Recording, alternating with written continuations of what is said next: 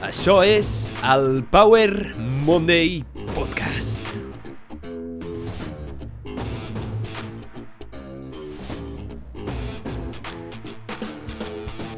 Benvinguts al Power Monday Podcast. Soc en Pau, el teu apassionat de salut, inspiració i ciència, i estic molt agraït de que estiguis escoltant aquest episodi.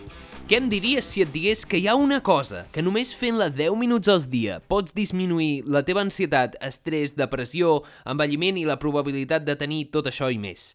I si et digués que, a més a més, aquesta cosa que pots fer és gratuïta, ho pots fer servir en qualsevol lloc, en qualsevol moment, i a més a més ho pots fer servir pràcticament en qualsevol estat de salut. Ho pot fer servir qualsevol persona a qualsevol edat. T'estic parlant de la meditació. I és que és potser la pràctica més important de la teva vida. I és que qui no voldria ser capaç de controlar les seves emocions i viure lliure d'ansietat i depressió innecessària? Al cap i a la fi, tots els problemes, o quasi tots els problemes, s'originen només a la ment. Milers i milers d'anys d'història pràctica i ara la ciència ens demostren que la meditació és la millor pràctica per assolir la pau interior i entrenar la teva ment. La meditació és el gimnàs de la ment. I per parlar d'això ens acompanya avui Vilma Montoliu, naturòpata i coach especialitzada en respiració conscient, meditació i gestió emocional amb una comunitat que creix com l'espuma, on el seu objectiu principal és acostar-te la meditació i el benestar emocional des d'una òptica amable i amorosa.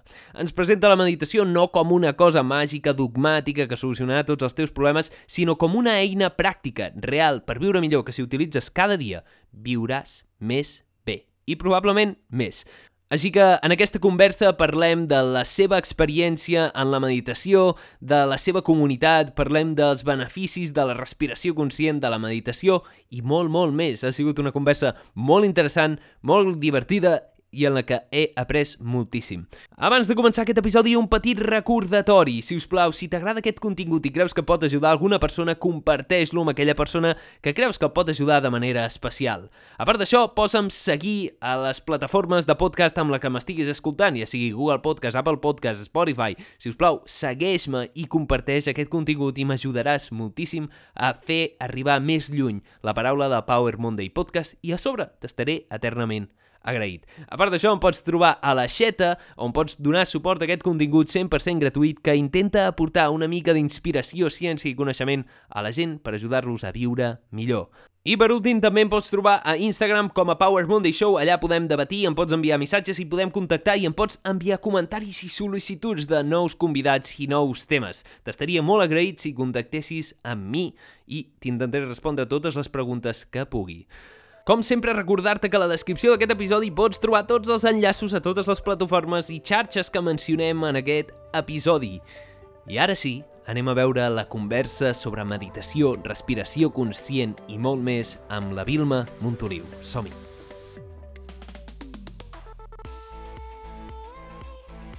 Hola Vilma, benvinguda al Power Monday Podcast, com estàs? Molt bé, moltes gràcies per convidar-me, Pau. Diem que cadascú té la seva història, cadascú ha passat per problemes, ha hagut de superar obstacles.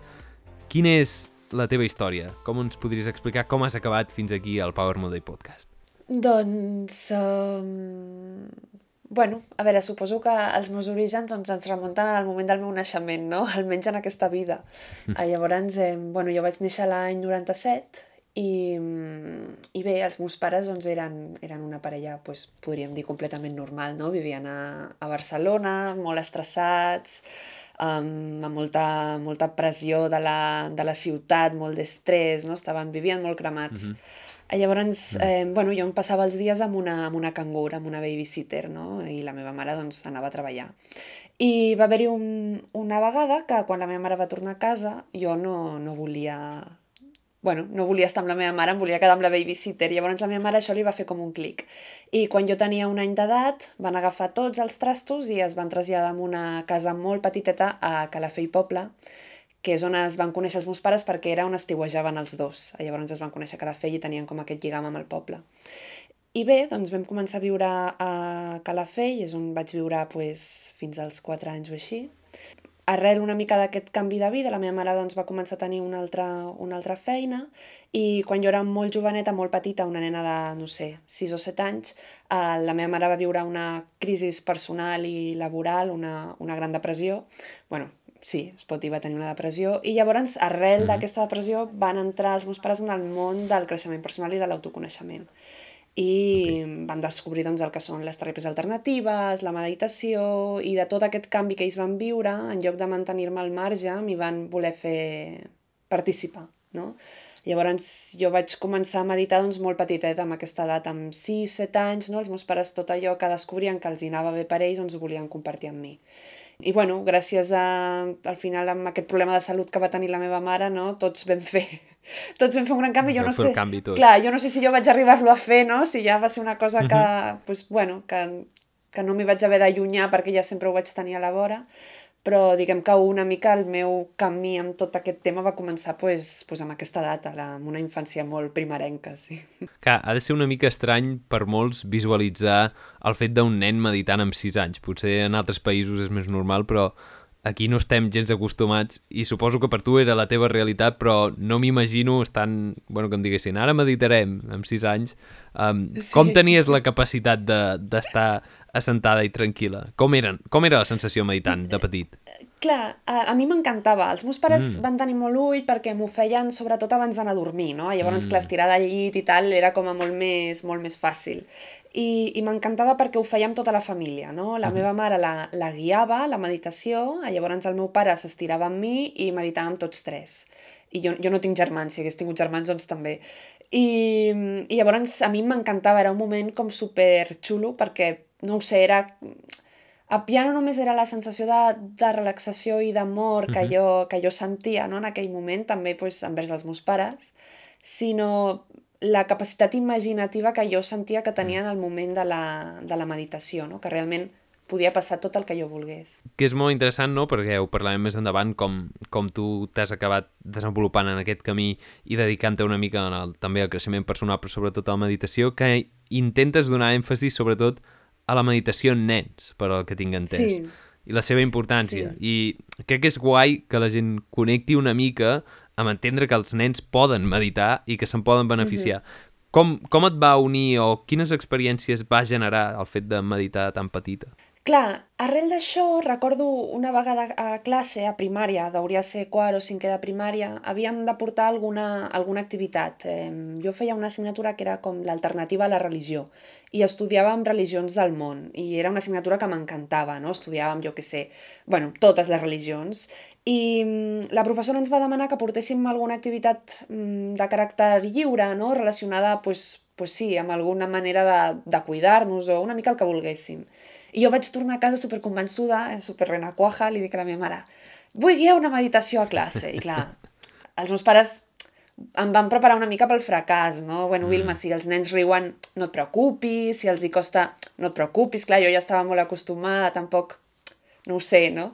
Però jo estava molt, estava molt caficada i res, me'n recordo que vaig agafar incienso i, i musiqueta d'aquesta per posar en el... Saps aquests, aquests mm, aquests, com es diuen, aquests aparatos de música típica, típics de les... Sí, els radiocasets aquests típics de les profes d'anglès per fer els listenings, pues, pues vaig portar la meva música relaxant i tal, i llavors li vaig demanar a la profe que s'asseiés a la meva cadira. I jo me'n vaig asseure a la cadira de la profe, això em feia molta il·lusió. Una autoritat. I... Sí, sí, sí, això em va encantar.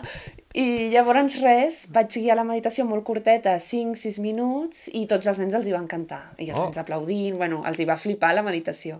I arrel d'això em vaig anar guiant més a la, a la classe perquè la profe es va quedar com a molt sorpresa. Carai. I de fet, sí, de fet l'anècdota m'ha quedat superrodona perquè fa cosa d'un any aquesta professora em va trobar i em va escriure un missatge a Instagram dient-me que se'n recordava de quan guiava les meditacions de classe i que no li sorprenia gens que m'acabés dedicant a això. I va ser com, ostres... Que, que sí, ja, sí. ja tenies el, el destí forjat des de que tenies 6 anys, ja eres... És una mica estrany, meditation sí. coach a, a, a tope. Molt bona història. Um, que has dit que sí, vas sí. fer servir un radiocaset, ara, ara sonarà que, que ets molt vella, però, però en realitat ets bastant jove um, com per ser gurú així espiritual, per dir-ho d'una manera. Però, però bé, bueno. al final, després d'aquesta etapa, vas acabar fent una cosa que no té res a veure, um, bueno, res a veure, que és història de l'art. Com, com t'ha acabat sí. portant història de l'art després acabant sent coach i, i portant meditacions una altra vegada? Bueno, és una mica el, el saber no ocupa lugar, no? Mm. És una mica el fet de, de formar-te no només com a professional, sinó com a ésser humà. Llavors, clar, prèviament vaig fer naturopatia, que a naturopatia sí que vam, vam aprendre també meditació i tècniques de meditació i tal, i després, com que sempre havia, he tingut molt d'interès per l'art, de petita pues, també m'encantaven els museus i tot plegat, doncs fer història de l'art va semblar també un pas pues, que podia estar bé, no? que, uh -huh. que podia enriquir-me, que bueno, al final pues, les qualsevol carrera d'humanitats pues, llegeixes molt, escrius molt i tot això doncs, també, també et forja el caràcter. No?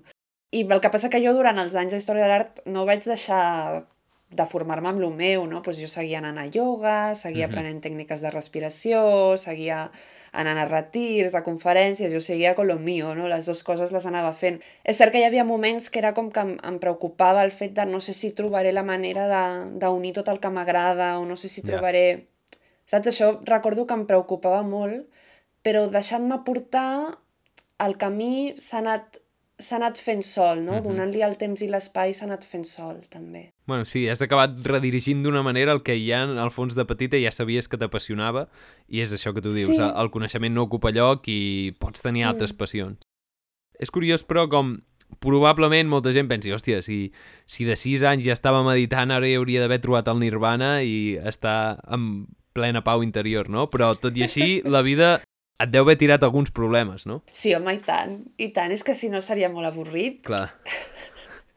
Com, com, com has acabat um, superant els problemes o quins problemes t'has hagut d'enfrontar? Bé, la veritat és que quan he tingut, quan he tingut, les, quan he tingut crisis o quan he tingut moments de, de més dificultat, també ha sigut, han sigut moments en els quals jo he estat més allunyada de totes aquestes eines. Mm. I arrel de la, de la, bueno, de la crisi potser que vaig tenir als, als 21 anys, eh, em vaig tornar a agafar més força tot això, no? Va ser com que el fet de passar-ho malament, eh, especialment a nivell emocional, em va fer adonar-me'n i reafirmar-me, jo crec, amb tot allò que, amb tot allò que, que ja sabia, no? Quan jo penso que durant la infància som molt savis i mm -hmm. potser ens coneixem, ens coneixem més en essència, no? Després en el, en el camí de la vida, amb el, amb el patiment et vas com perdent, no? Vas, mm. vas perdent aquesta capacitat que tens de petit.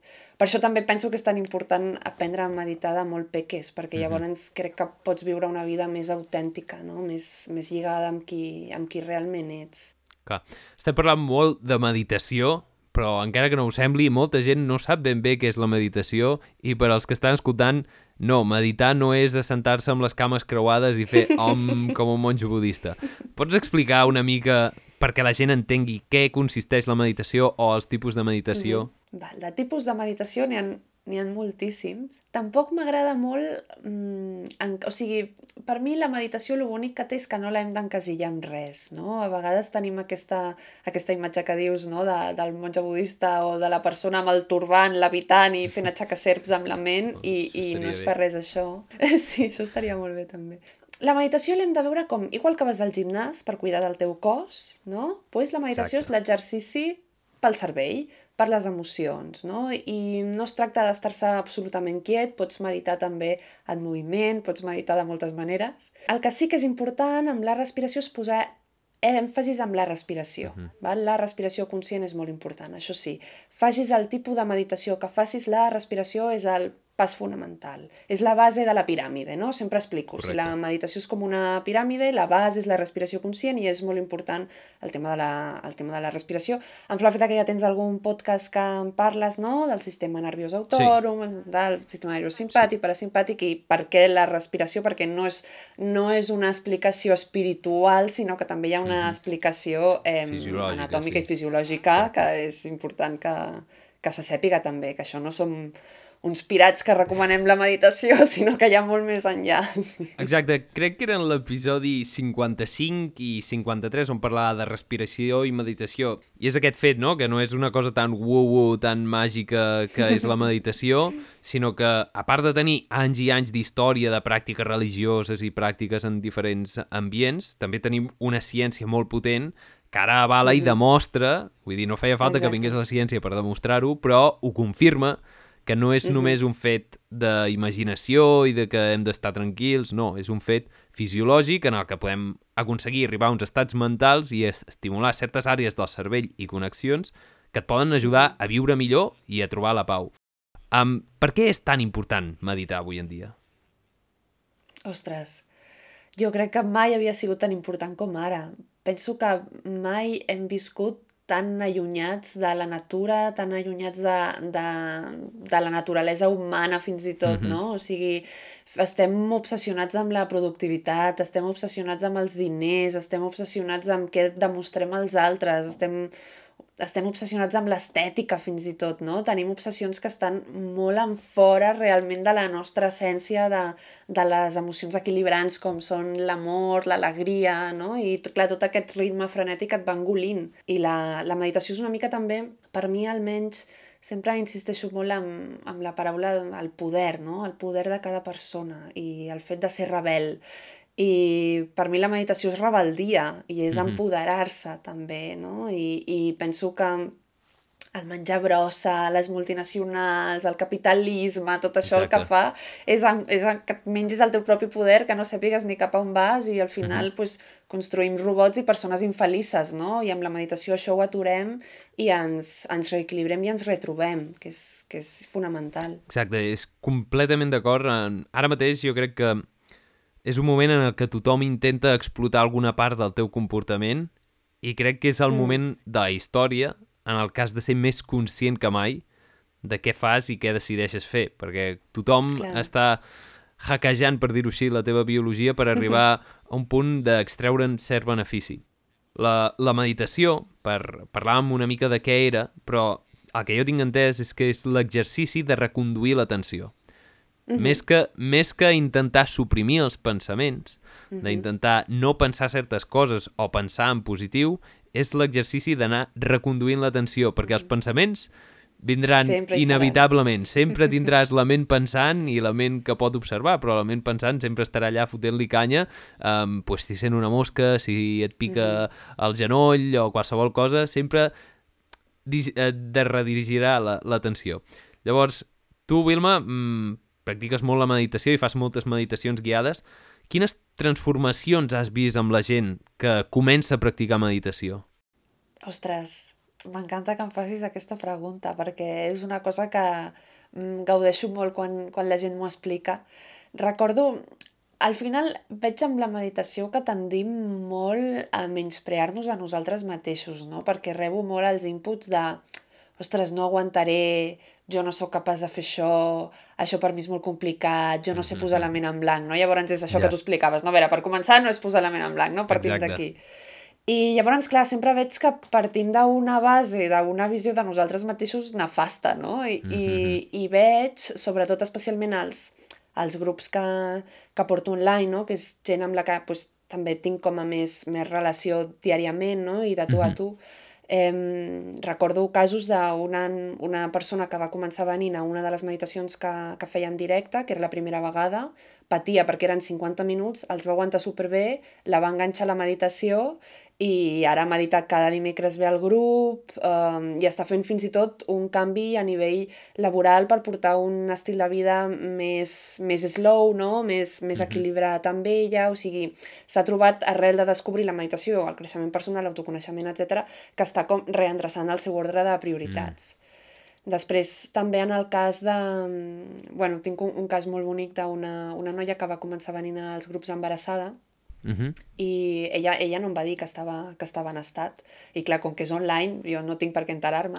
I un dia em va... Sí, clar, no li veia la panxa. No, no, no Em- t'ensenyen la panxa amb la càmera. Clar, No fas un xec. entonces esto... Sorpresa. pot, clar, pot estar passant qualsevol cosa. I recordo que em va enviar un missatge explicant-me que estava en estat i que amb aquella meditació havia connectat quantitat amb el, amb el seu bebè i que estava tan Mm. emocionada.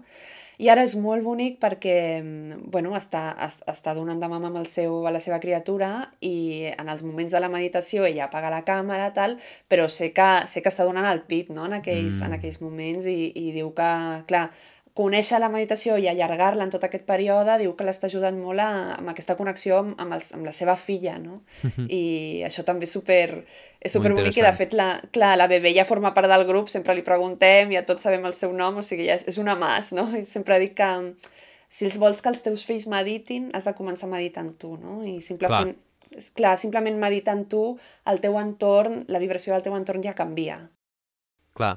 Home, si, si ja és com poderós eh, donar de mamar a un nen, que això ja s'ha demostrat moltes Total. vegades que genera una connexió bastant diferent a la d'alimentar-lo simplement amb llet mm -hmm. processada, per dir-ho així, o amb, amb substitutius, doncs imagina't fent com una alimentació conscient mentre medites. Ha de ser una experiència bastant, bastant interessant. Bé, mm. Entenc que has vist moltes transformacions, que has vist molta gent de diferents backgrounds. No és, no sí. és només una persona, una dona de 30 anys que medita perquè ha tingut la crisi de certa edat X. Um, crec que la meditació és per tothom i a vegades això costa sí. molt d'entendre que no, jo, jo sóc un executiu, jo sóc empresari i això de meditar no és per mi. Què els diries a aquells que dubten de que la meditació sigui per ells, aquests que pensen no, això de la meditació crec que no és per mi? Que ho provi, que tinguis una, una, ment, una ment curiosa, quasi com de... Saps els arqueòlegs que van allà uh -huh. buscant els ossos i tal i no saben una mica, pues, pues una mica una mica ment així, no? Superoberta i escolta, que ho provis, que ho provis, que et posis una, una meditació guiada un dia, que experimentis mm. amb la mm. teva respiració.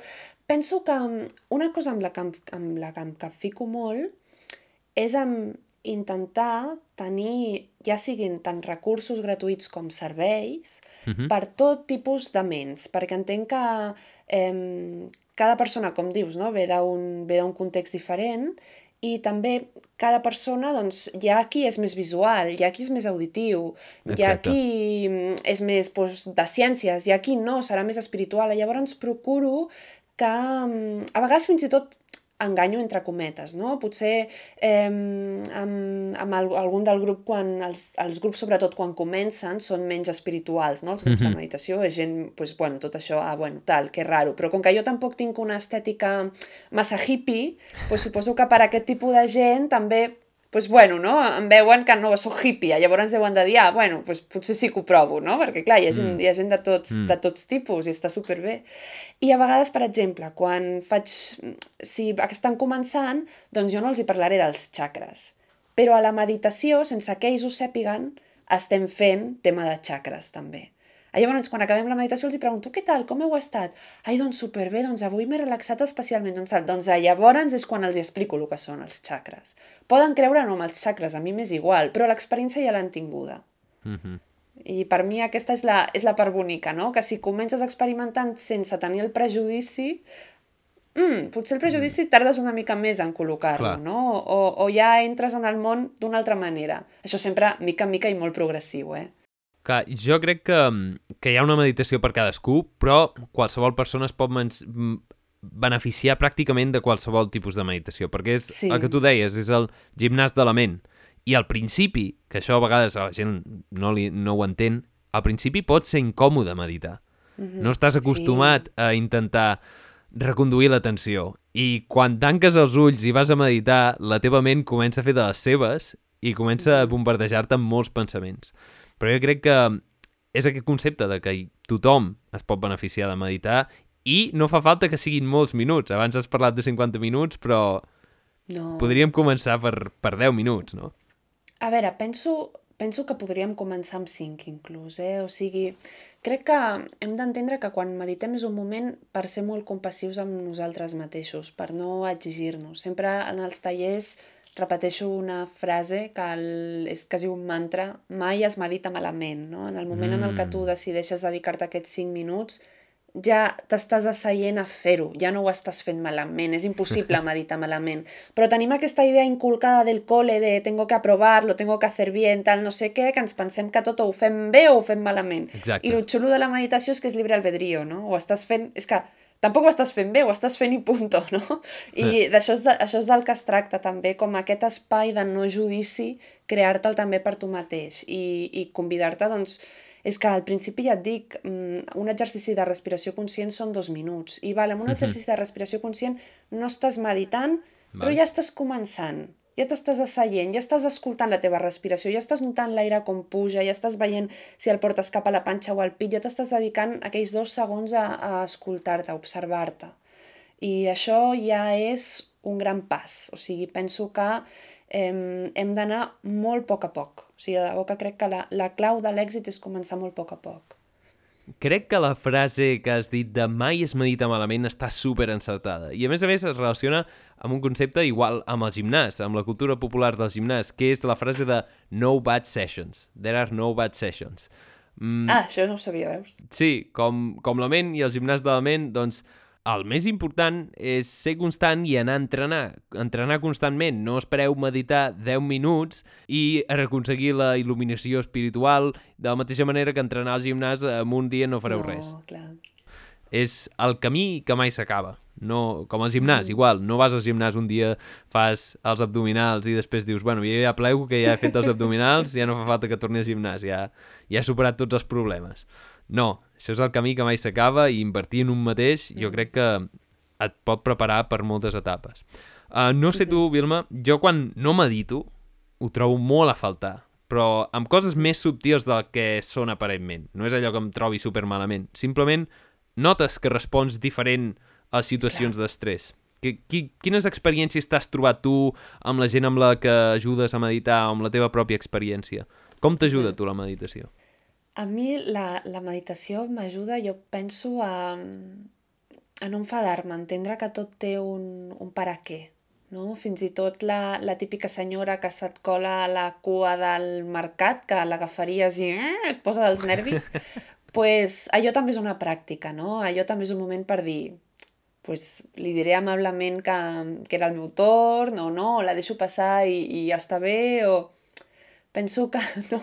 aquests moments quotidians o el típic moment, sempre dic el mateix, si has meditat mm -hmm. una hora però després en el semàfor el cotxe de davant no avança tot lo ràpid que tu t'agradaria i et poses a pitar amb el claxon i a cridar-li, doncs de poc t'ha servit l'hora de meditació. Yeah. Perquè es tracta al final, al final és com un, com un filtre que portem, com unes ulleres que et poses, no? No és aquell moment i punto, sinó que et poses les ulleres doncs, de, la, de la compassió, de l'amor, de la paciència, que això no vol dir que un dia no no t'enfadis o que un dia no et passi una, una putada, amb perdó de la paraula, i, i no tinguis dret a enfadar-te, perquè es tracta de que puguis exterioritzar també les teves emocions, però aprendràs a canalitzar-les de manera correcta.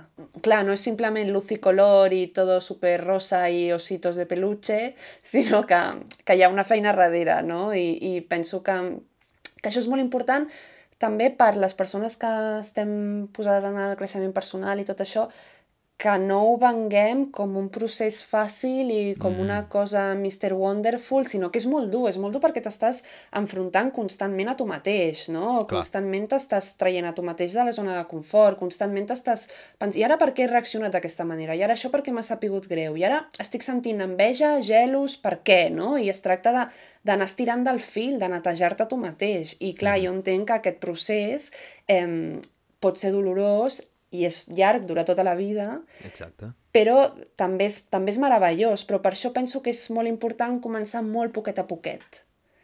Crec, perquè si no, si no un s'espanta i ja deixes anar el fil i dius, ui, no, no, no, això no, jo ja estic millor amb, amb els ulls tapats, no? Em, em, em sento més, més tranquil·la.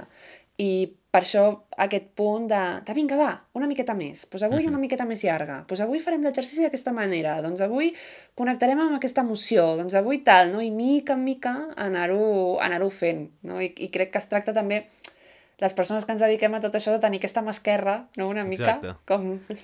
De, de saber-ho vendre una mica, de saber entendre on estan els límits, de que no és una panacea, de que no sortiràs d'aquí com un hippie que diràs paz i Clar, amor exacte. i que sí. tots els teus problemes se n'aniran. No, és el, el gimnàs de la ment, jo crec que ho descriu superbé, mm -hmm. i és guanyar resiliència i resistència quan vinguin situacions d'estrès, quan mm -hmm. tinguis problemes emocionals, perquè a la vida et vindran pals, et vindran Clar. boles, et vindran problemes, i estar preparat, tenir aquesta capacitat que té el teu cervell d'anar reconduint els pensaments, mm -hmm. aquest exercici, jo crec que és vital, i com dèiem abans, és més important que mai.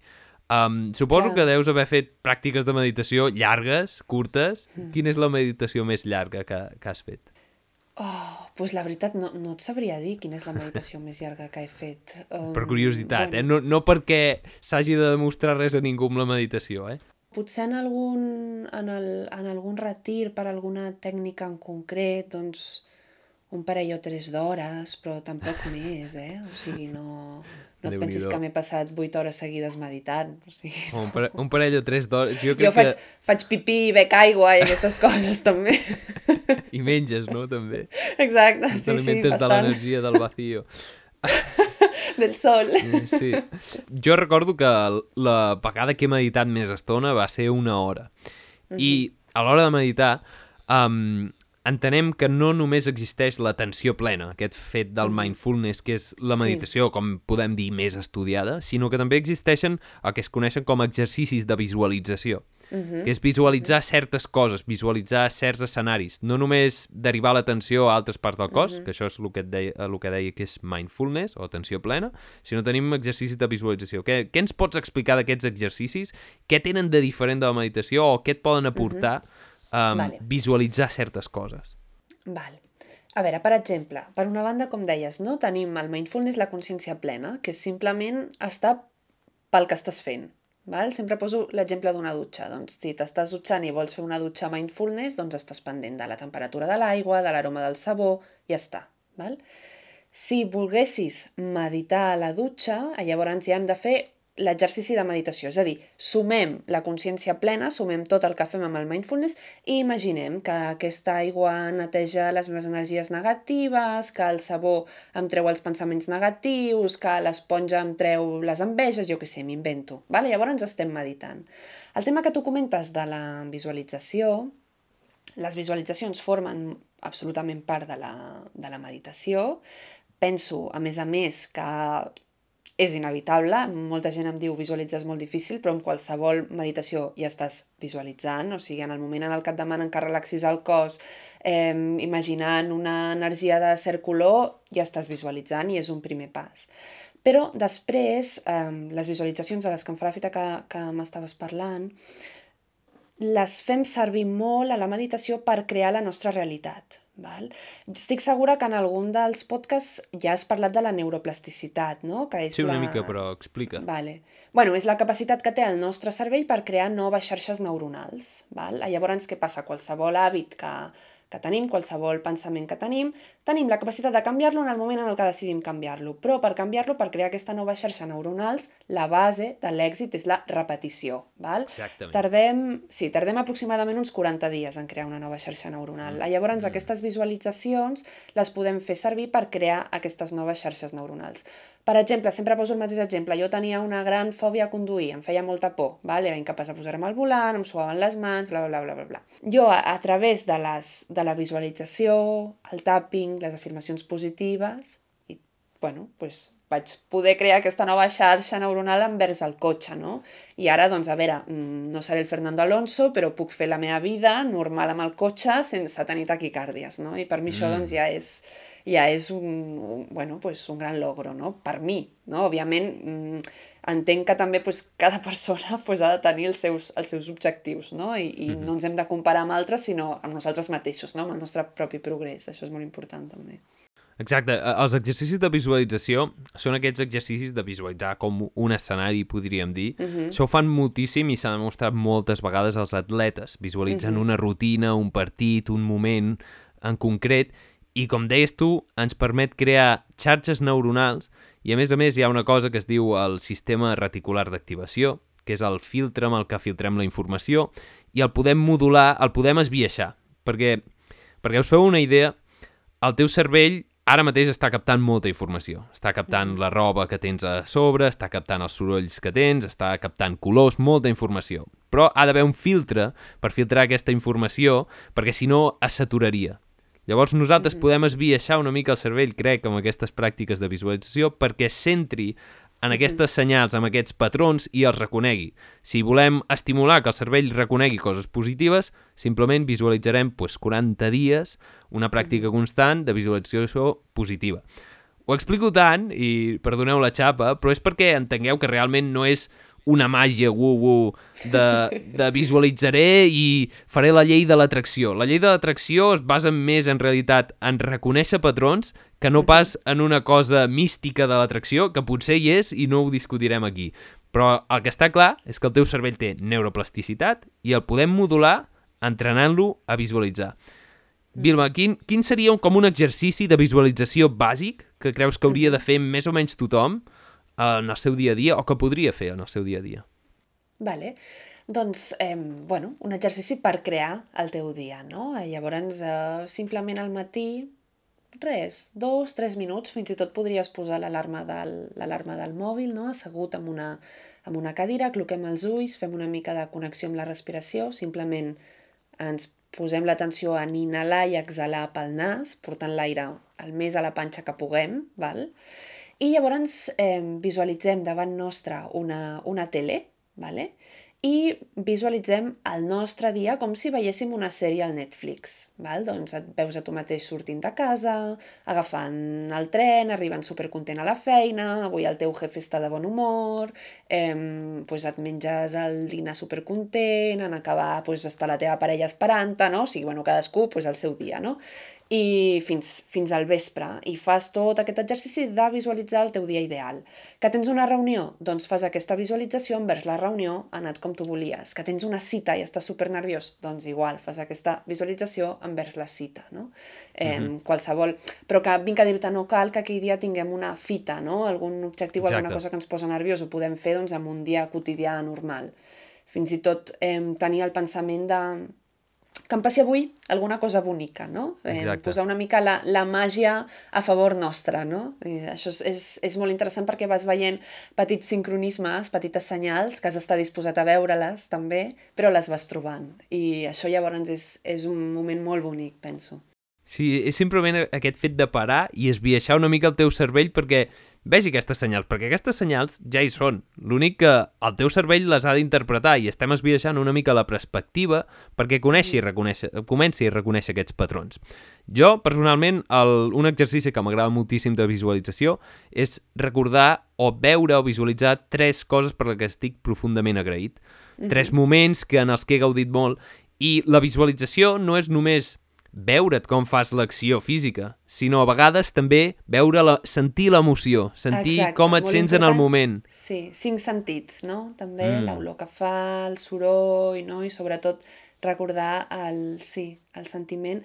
Quan, quan visualitzem també ho hem de fer, bueno, en el cas dels, del, de l'agraïment que comentes, no? és una cosa que ja ha passat, però si vols que et passi alguna cosa, doncs visualitzat ja tenint-la, no? ja gaudint-la, no? després això molt, molt important. Uh -huh.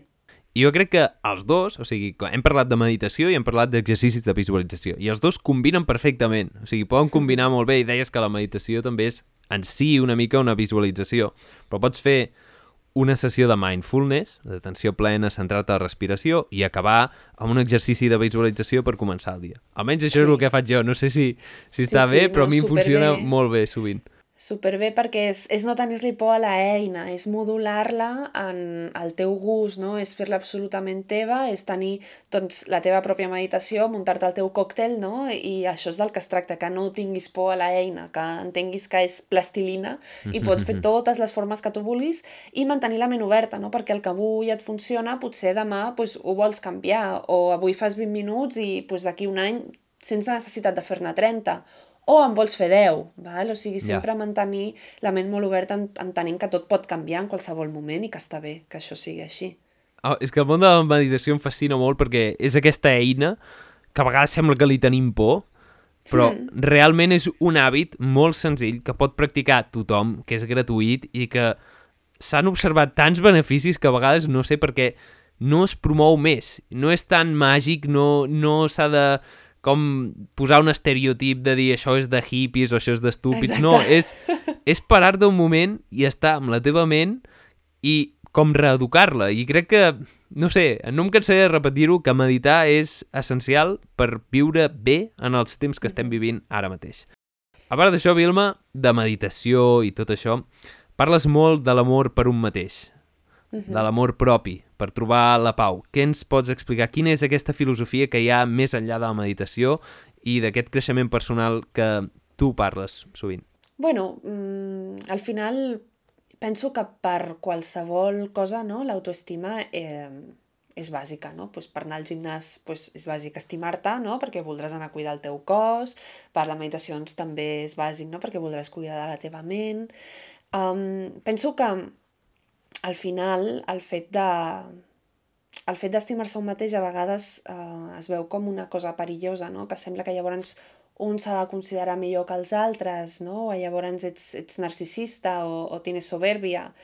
I, I per res, perquè un s'estima entenent que així també estimes els altres i tu veus les teves coses meravelloses perquè també les veus en els altres, no? I al final tots som iguals i penso que això és molt important també entendre-ho quan parlem d'autoestima, que no es tracta de jo me quiero más i no quiero a nadie más o jo sóc millor que, que el veí, sinó comprendre que si tu t'estimes bé, si tu tens una bona relació amb tu mateix, podràs tenir una millor relació amb els altres també, perquè al final totes les persones, totes les situacions et fan sempre de mirar i d'alguna cosa que tens que solucionar dintre teu, no? I d'aquesta manera, com més et mires, com més et neteges, com més et coneixes, millors relacions també tindràs. I, i crec que això al final tots ho volem, no? Estar envoltats de persones que ens estimin, persones maques, que siguin bones persones, no? I el primer que hem de fer és, pues, de, és cuidar-nos a, a nosaltres, això és molt important. Exacte, jo crec que abans deies que la la meditació pot ser la piràmide per construir, la base mm -hmm. de la mm-hmm. piràmide, l'atenció plena pot ser la base de la piràmide per construir moltes coses. I si hi ha una cosa que és la base de tot, per mi, jo crec que és l'amor per un mateix, que no. Jo crec que a vegades es confon amb ser un egocèntric. Són coses com completament mm -hmm. diferents. Estimar la teva vida i estimar-te a tu mateix no té res a veure amb ser un egocèntric. No, de fet, penso que com més egocèntric és una persona, menys s'estima. Mm, més problemes d'autoestima té, no? Perquè quan un, un mateix s'estima i tu a tu mateix et dones l'atenció que mereixes, pues no vas mendigando atenció de los demás, perquè no et fa falta, no? Exacte. Llavors eh, crec, que és tot, crec que és tot el contrari, no? Eh, a vegades m'escriuen persones i em diuen ostres, Vilma, és que he tingut una idea però no sé si seré capaç de tirar això endavant, no? I, ostres, i, i com ho faig o tal...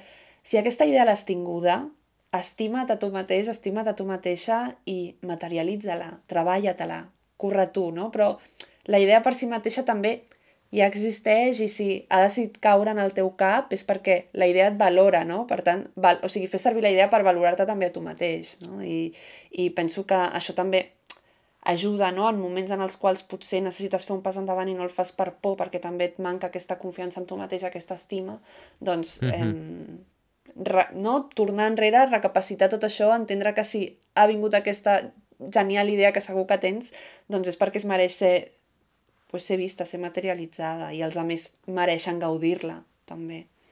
És, és important haver fet aquesta feina. Estàs, estàs molt a les xarxes, estàs a Instagram amb una, amb una comunitat molt activa i que et dona suport i em deies l'altre dia eh, parlant que els coneixes a tots, que saps sí. què els hi passen, que saps com es diuen i on viuen, per dir-ho així. Uh, que ara, ara que ningú s'espanti no, no us vindrà a casa. Però um, um, vivint això des de dins, com veus com afecta les xarxes socials a la mentalitat de la gent?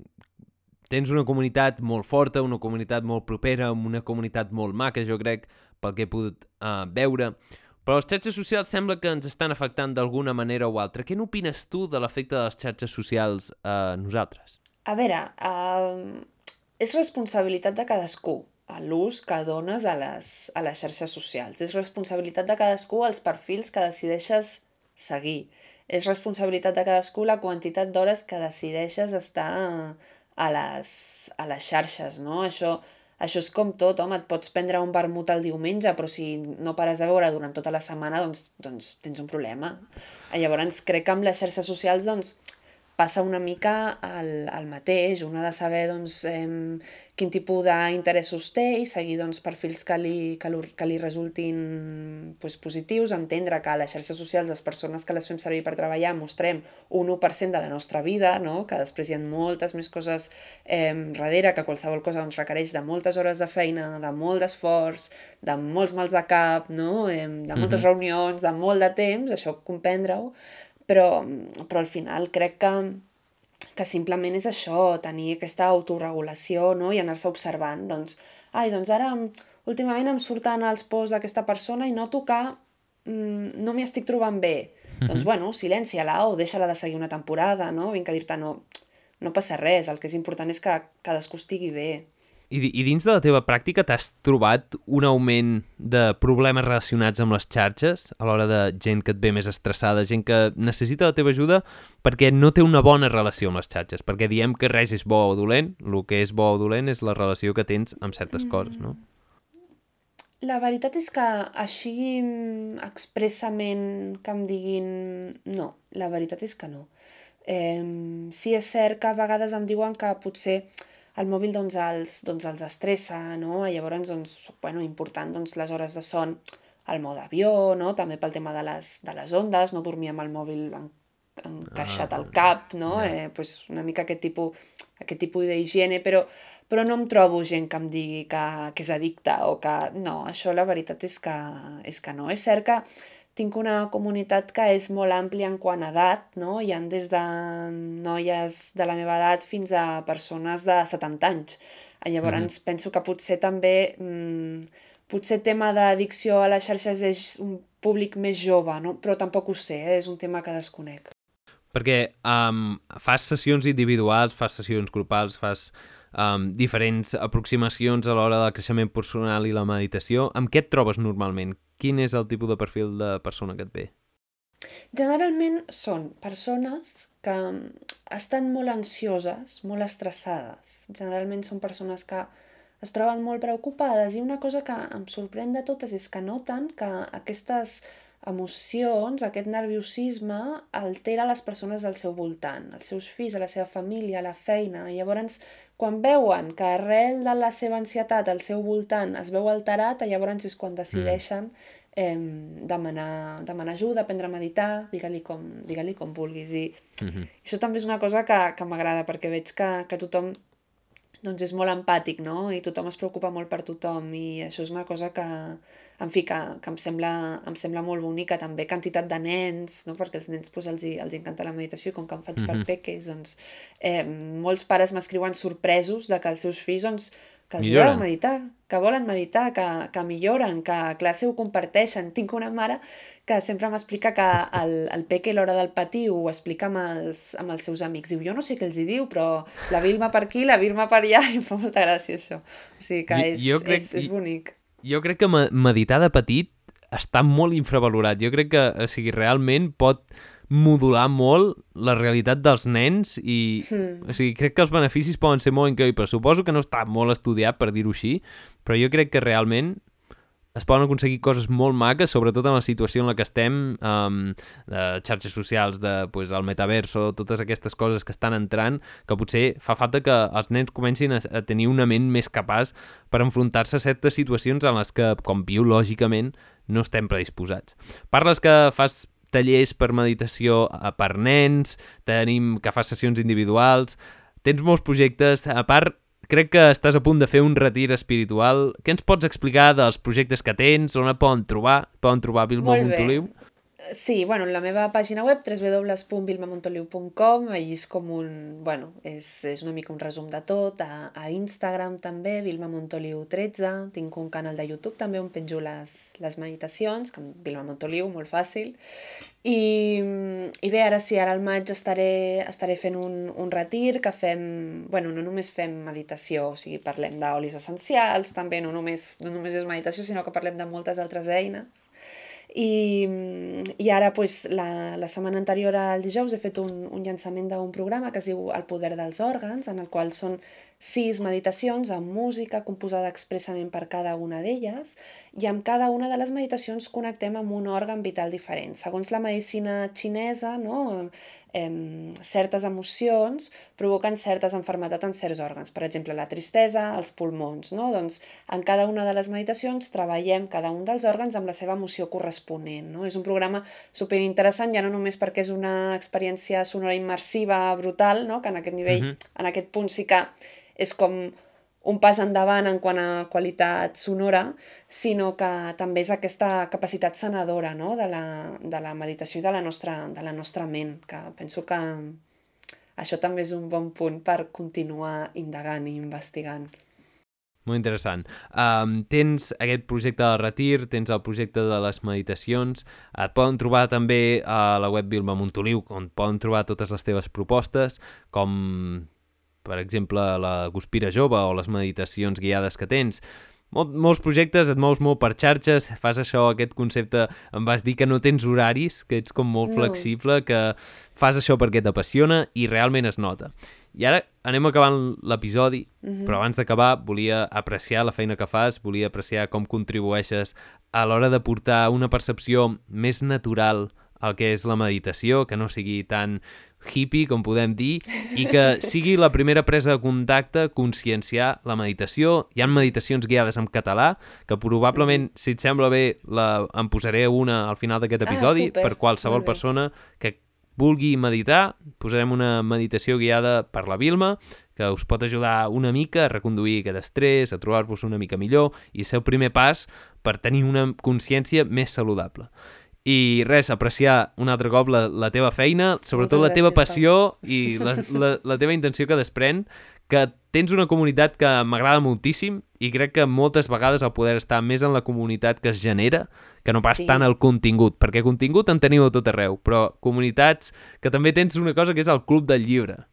Sí, sí, el, el club de la, sí, un club de lectura conscient, també. Sí, ens reunim un cop al, un cop al mes i compartim la, la lectura d'algun llibre relacionat amb el, amb el creixement personal, que són des de llibres d'assaig fins a novel·les, hi ha una mica de tot. Però la veritat és que és això, penso que si, si, si no hi hagués gent tan, tan bonica ra- darrere donant suport a la, a la meva feina, jo tampoc mm, sento que tindria la força o els ànims per, per, per dedicar-m'hi amb, amb aquesta passió i amb aquesta il·lusió, no? que al final és, que és el, és el motor i és el motiu, no? veure, que, veure que, que arriba el missatge, perquè si no em sentiria pues, com en un desierto, no? completamente sola, i, i això al final seria, seria molt dur, seria molt dur. Exacte. No, m'agrada molt que ressoni i que teniu un grup molt maco i que Sí, sí, sí, tinc moltes ganes de, de veure el créixer més i que més gent assumi la meditació perquè, com he dit, és molt important per totes les edats, és el gimnàs de la ment i us pot ajudar a viure més i millor. No fa falta que ho repeteixi, però no em cansaré de repetir-ho. Per acabar l'episodi m'agrada fer sempre dues preguntes. Mhm. uh, la primera pregunta és quina és la teva descripció d'èxit? Què és per tu l'èxit? Per mi l'èxit és dormir tranquil i profundament. Aquest és l'èxit veritable. Sí, anar-te'n al llit molt satisfet, molt content Mm. i aixecar-te brillant com el sol. Sí, per mi això és l'èxit. Molt bona descripció d'èxit. La segona pregunta són les tres veritats. Sí. Ens fiquem, ens imaginem un futur hipotètic on després d'haver fet tot el que volies en aquesta vida, tots els teus projectes els has fet tal i com volies, lamentablement morts, perquè tots som mortals i morim, però encara més tristament, tot el teu treball mor amb tu. El teu treball desapareix de l'univers. Però tens l'oportunitat, et dona l'oportunitat, Déu Nostre Senyor o l'univers o el poder en el que creguis més, et dona l'oportunitat de deixar tres missatges a la humanitat, tres veritats essencials que has après a la teva vida, tres lliçons que creus que la gent podria extreure de la teva vida. Que es mirin als ulls, mirar-nos als ulls, crec que és molt, crec que és molt important. Que no totes les coses es diuen amb les paraules. Penso que n'hi ha moltes més que es diuen amb els silencis, amb els gestos i amb les mirades. Mm, I la tercera... Ja et vaig dir que tres me'n semblaven moltes. La tercera mm, podria ser trobar-se en el present, no? Estar... Adonar-se'n que en el moment present sempre està tot bé, que les preocupacions sempre viuen en el futur o, o venen del passat, no? I penso que sí, segurament sí. Mantenir-se, procurar aprendre a mantenir-se en el moment present. Perfecte. Birma, moltíssimes gràcies per haver-nos tu, acompanyat Pau. al Power Monday Moltes Podcast. gràcies. I per acabar, el Power Monday Podcast sempre intenta aportar un consell pràctic que la gent pugui aplicar directament per fer una mica millor la seva vida. Bé, abans de marxar, quin consell podries donar uh, sobre respiració conscient o alguna cosa perquè la gent s'emporti a casa? Per començar, penso que el, el, més, el més bàsic, bàsic, bàsic és, com et deia, el tema de la, el tema de la respiració. durant el dia, en qualsevol moment, aturar i fer una respiració conscient. Mm. Inhalar pel nas, llarg, llarg, llarg, fer aquesta inhalació tot lo llarga que puguis, portant l'aire a la panxa. Important, sempre faig la broma que és la zona del Michelin, no és aquí dalt, sinó és el Michelin, val? O sigui, se'n va on tenim els dons, diafragmàtica, la ben, ben diafragmàtica. Exacte, exacte, ben diafragmàtica. I llavors exhalem, ja pot ser és millor pel nas sempre, però si volem exhalar per la boca també. I intentar que aquests temps tant d'inhalació com d'exhalació siguin el més iguals possibles, no? perquè llavors estarem fent una respiració conscient i equilibrant. Si allarguem l'exhalació, és una respiració conscient mm -hmm. relaxant. Val? I el que la volem durant el dia és fer-la equilibrant, no relaxant. Llavors penso que, res, tres respiracions d'aquestes al, al llarg del dia, no? I, i, I ja és un primer pas. Ja ens estem, ja estem notant la temperatura de l'aigua amb la punta dels dits dels peus, no? Ja ha començat una mica mm, val, val. Això sí. és un molt bon consell i per als que esteu escoltant aquest episodi, recordar-vos mm. que al Power Monday Podcast 55 i 53 parlo de respiració i meditació amb més consells pràctics. Si teniu curiositat, i voleu mm indagar més una mica sobre el tema. A part d'això, al final d'aquest episodi tenim un regal per -hmm. part de la Vilma, que és una meditació, una sí, meditació tant. guiada per la Vilma que podeu fer ara mateix. I aquí acabem l'episodi. Vilma, tens algun missatge per dirigir-te a la gent que ens està escoltant abans d'acabar? No, que moltes gràcies per, per convidar-me, que, que espero tots els teus oients, espero que fagin el xafardero a les meves xarxes i, i, que, i que molt bé que t'espero al, al Guspira Jove també. Així serà, així serà. Ens veurem al Guspira Jove on farem una petita col·laboració, Això. parlarem de salut i nutrició i hàbits saludables uh -huh. i molt més. Però escolteu, si hi ha un missatge amb el que us heu de quedar d'aquest episodi és que meditar és més important que mai. Meditar és accessible, gratuït, és per tothom, ho poden fer nens, adults, ho pots fer en qualsevol moment i us pot ajudar a viure millor, et pot ajudar a viure millor a entrenar la teva pròpia ment. Per això, a l'acabar aquest episodi teniu una meditació guiada per part de la Vilma que crec que us pot interessar moltíssim. I això és tot per aquest episodi. Com us deia, ara ve la meditació de 7 minutets de la Vilma Montoliu que us ajudarà a fer un petit reset mental i us ajudarà a entendre què és això de la meditació. Existeixen moltes pràctiques, però aquí teniu un exemple. Aquesta és la meditació del reset, ideal per fer durant el dia o si ens acaba de passar alguna cosa que ens ha deixat una mica trastocats. Amb aquesta meditació estarem fent un reset per tornar al nostre centre, i trobar-nos molt millor. És molt breu i la pots fer en qualsevol moment del dia. Molt bé. Com sempre, troba un espai tranquil i que t'agradi. Posa't en una postura còmoda i comença dolçament a observar com està la teva respiració. Observa si respires pel nas o per la boca, si la teva respiració viatja cap al pit o cap a la panxa, ara no la hem de canviar. Senzillament observa-la. M'agradaria que anessis notant les teves sensacions físiques. Observa si tens gana o set, si la teva temperatura corporal és agradable o tens calor o fred. Procura sentir si notes el sol a la teva pell o si hi ha foscor al teu voltant. Observa si hi ha una mica de brisa, si l'ambient és sec o humit.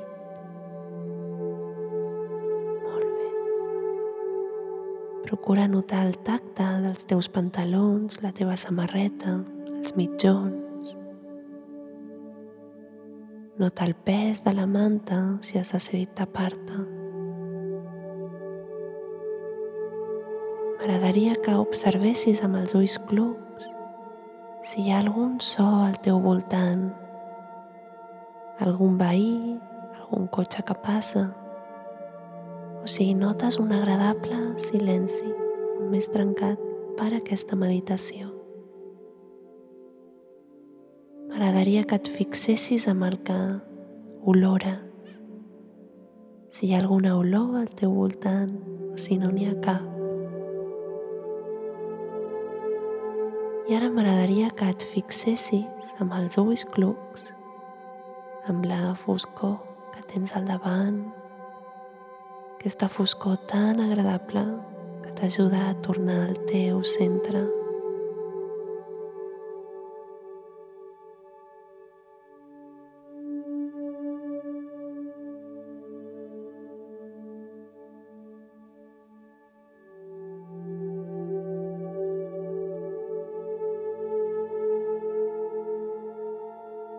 Mica en mica, anirem apaivagant la teva respiració, relaxant-la, fent un exercici de respiració equilibrant, que és l'exercici 4-4.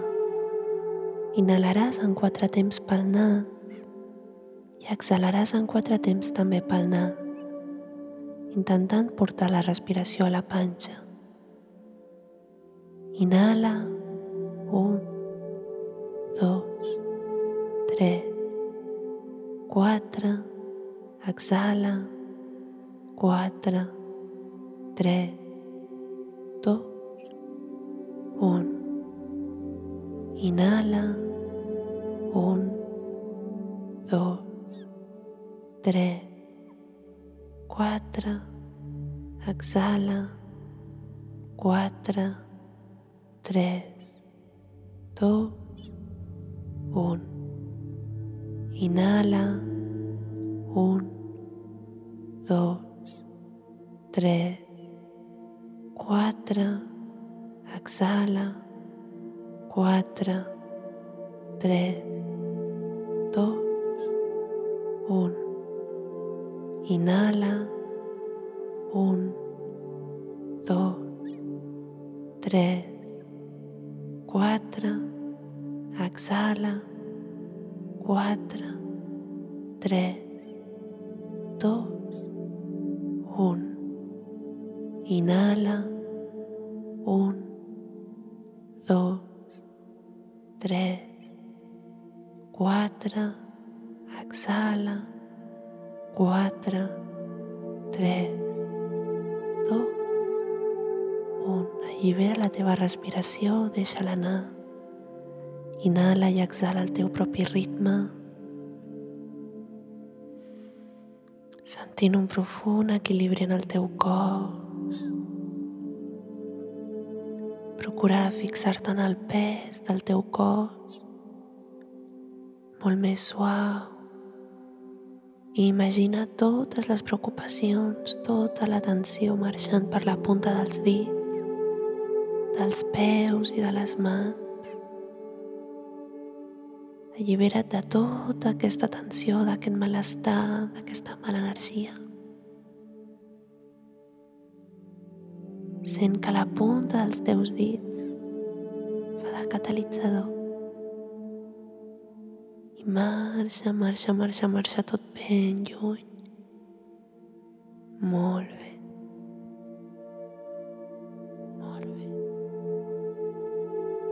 M'agradaria que imaginessis tot el teu cos embolcallat d'una bombolla de color violeta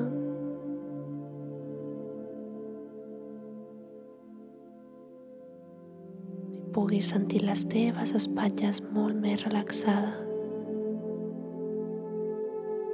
que al principi.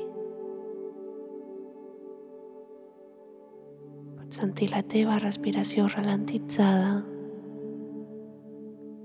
la teva ment molt més tranquil·la, molt més centrada. M'agradaria ara que tinguessis un pensament d'agraïment per alguna cosa. El meu pensament d'agraïment va cap a tu, que ara mateix estàs meditant i cuidant-te. I quan el tinguis clar, amb aquest pensament, comença a moure els peus i les mans i quan vulguis, obre els ulls. Moltes gràcies per meditar amb mi un dia més. Sempre és un honor que ho facis amb la meva veu. Gràcies.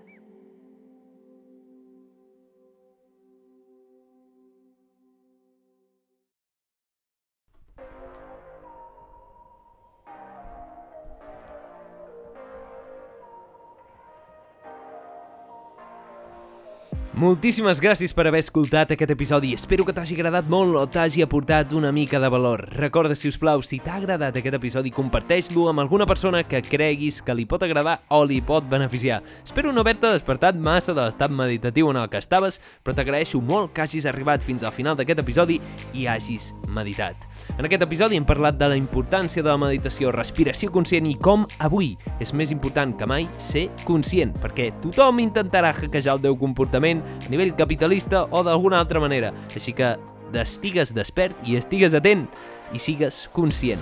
Em pots trobar com sempre a Spotify, Google Podcast, Apple Podcast, a totes les plataformes de podcast on t'animo que em posis un seguir, un m'agrada i que comparteixis aquest contingut. També pots trobar Power Monday Show on em pots enviar comentaris, podem debatre coses i em pots enviar suggeriments i preguntes.